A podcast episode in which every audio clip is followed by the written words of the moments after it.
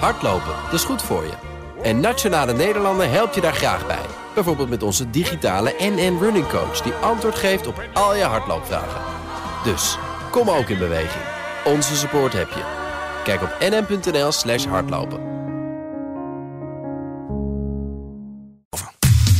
Factgoeroes. Met natuurlijk Frank Leeman. Goedemorgen, Frank. Goedemorgen. We gaan een eh, bewering van Wieberen van Haga checken. En dat heeft te maken met windmolens. Vertel. Ja, windmolens inderdaad. Bij het uh, debat ten behoeve van de begroting Economische Zaken en Klimaat... zei hij dat windmolens wat betreft CO2-uitstoot... Uh, ja, helemaal niet iets gunstigs bijdragen. En dat ze wat betreft hun carbon footprint niet gunstig uitvallen... als je van bouw tot sloop of van, van cradle to grave, zoals dat heet, uh, kijkt de windmolens in, uh, in, in de Noordzee. En dan denk ik van ja, dat is toch een beetje raar. Hè? Want als je dat cradle to grave uh, doorrekent... dan moet je eerst die windmolens fabriceren. Dan heb je een carbon footprint. Je moet ze daar naartoe uh, brengen. Je moet ze plaatsen. Dan zijn ze daar misschien 20 jaar actief. Je moet ze afbreken en ook, ook nog verwerken. Dus cradle to grave levert dat niet zoveel op. Ja, Cradle to Grave dus inderdaad gewoon vanaf het begin van het maken... van het staal maken en het composietmateriaal voor zo'n windmolen... totdat die afgebroken wordt, wat u net zegt.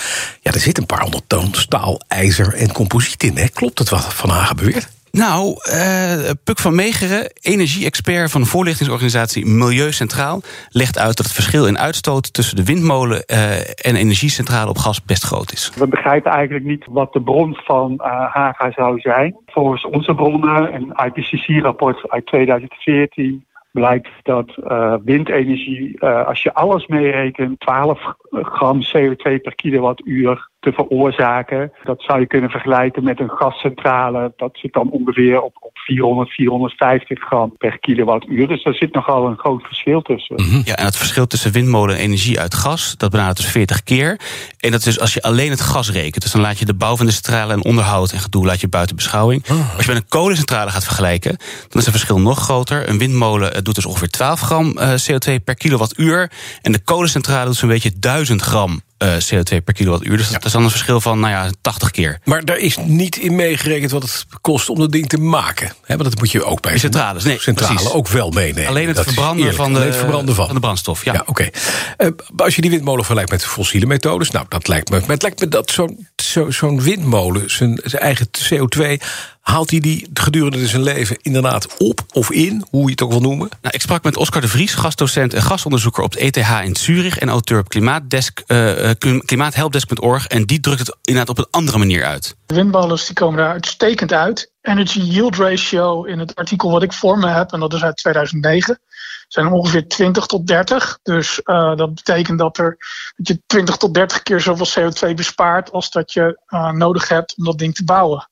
En uh, dat is uit 2009. Dus tegenwoordig hebben we grotere, meer efficiënte windturbines. Dus dat getal zal alleen maar stijgen. Ja, precies. Dus voor elk puntje, dat er de, puntje energie dat erin is gegaan, levert hij dus ook weer 20 punten energie op. Ja, ja. En sowieso is het zo dat zo'n windmolen zich in ongeveer zes maanden uh, break-even heeft gedraaid wat betreft CO2. Qua CO2. Ja. Oké. Okay. Hoe kom je uit als je een fossiele energiecentrale, neem een, een kolencentrale, combineert met opslag van CO2? Wat dan? Dus carbon capture and storage, hè, zoals dat maar heet. Precies. CCS. Ja, ja CCS. En zo'n kolencentrale stoot dus ongeveer 1000 gram uit ja. per kilowattuur. Nou, en als je dan die techniek gebruikt waarbij je dus koolstof, uh, het CO2 afvangt bij het verbranden en dan onder grond stopt ja. en doet alsof het er niet meer is. Uh, ja, daar vang je best veel mee af. Mm -hmm. Maar ook dat is niet genoeg, vertelt Oscar de Vries. CCS vangt iets van 80% af uh, uitstoot. Maar ja, dan, dan zit, hij op, zit hij op zeg maar 200 gram per, per kilowattuur. En dan is de, de windmolen is nog steeds 10 tot 20 keer beter. Precies, dat is inderdaad je 12 gram, hè, zei je. Dus ja. uh, dat scheelt nogal. Ja. Nou is Van Haga voorstander van kernenergie. Kernenergie heeft vrijwel geen CO2-uitstoot. Uh, als we dat nou afzetten ten opzichte van de windmolen, laten we dat ook eens doen. Nou, uh, beide experts die vertelden me dat windmolens en kernenergie per geproduceerde kilowattuur voor ongeveer evenveel CO2-uitstoot zorgen. Oh. Dus dat is uh, voor hem dan een leuk puntje. Al is natuurlijk wel de hoofdzorg van kernenergie, kernenergie, waar moet je uiteindelijk met al die radioactieve uh, materiaal heen? Ja. En dat laat je dan in die vergelijking helemaal buiten beschouwing. Dat is er dan niet. Nee, ja, dat, dat neem je niet mee. Dus dan, nee, dat is, nee, nee precies, kernval. Doen we ook alsof het er niet is. Nee, maar dat is ook geen CO2. Hè? Dan was er nog eind 2019 een artikel in de Telegraaf over het zware broeikasgas SF6. Dat lekt uit windmolens. Zwavel, hexafluoride. Is dat meegenomen in die, in die beweging? Uh, nou, en dat, ja, dat SF6 dat zit erin om, uh, he, om, om die machines te isoleren of om brand te voorkomen. En ik weet eerlijk gezegd niet of dat is meegenomen in die cradle-to-grave berekeningen. Mm -hmm. En het is inderdaad een heel serieus broeikasgas. 1 kilogram SF6 ja. doet evenveel schade als 24.000 kilogram CO2. Oh. Uh, maar Puk van Meegen van Milieu Centraal vertelde dat daar wel op een andere manier naar gekeken is, omdat ze niet precies weten hoeveel SF6 er per windmolen weglekt. Nou, als, als je alle SF6-gassen in Nederland zou toerekenen naar, aan, aan windenergie, wat niet reëel is, maar dan, dan zou je praten over ongeveer 4% van de opbrengst van, van windenergie gaat eigenlijk verloren aan het compenseren van het FS6-gas. Ja, dus dan neem je alle SF6 in Nederland, die overal uitlekt. En die geef je dan, dan geef je even de windmolens daar de schuld van.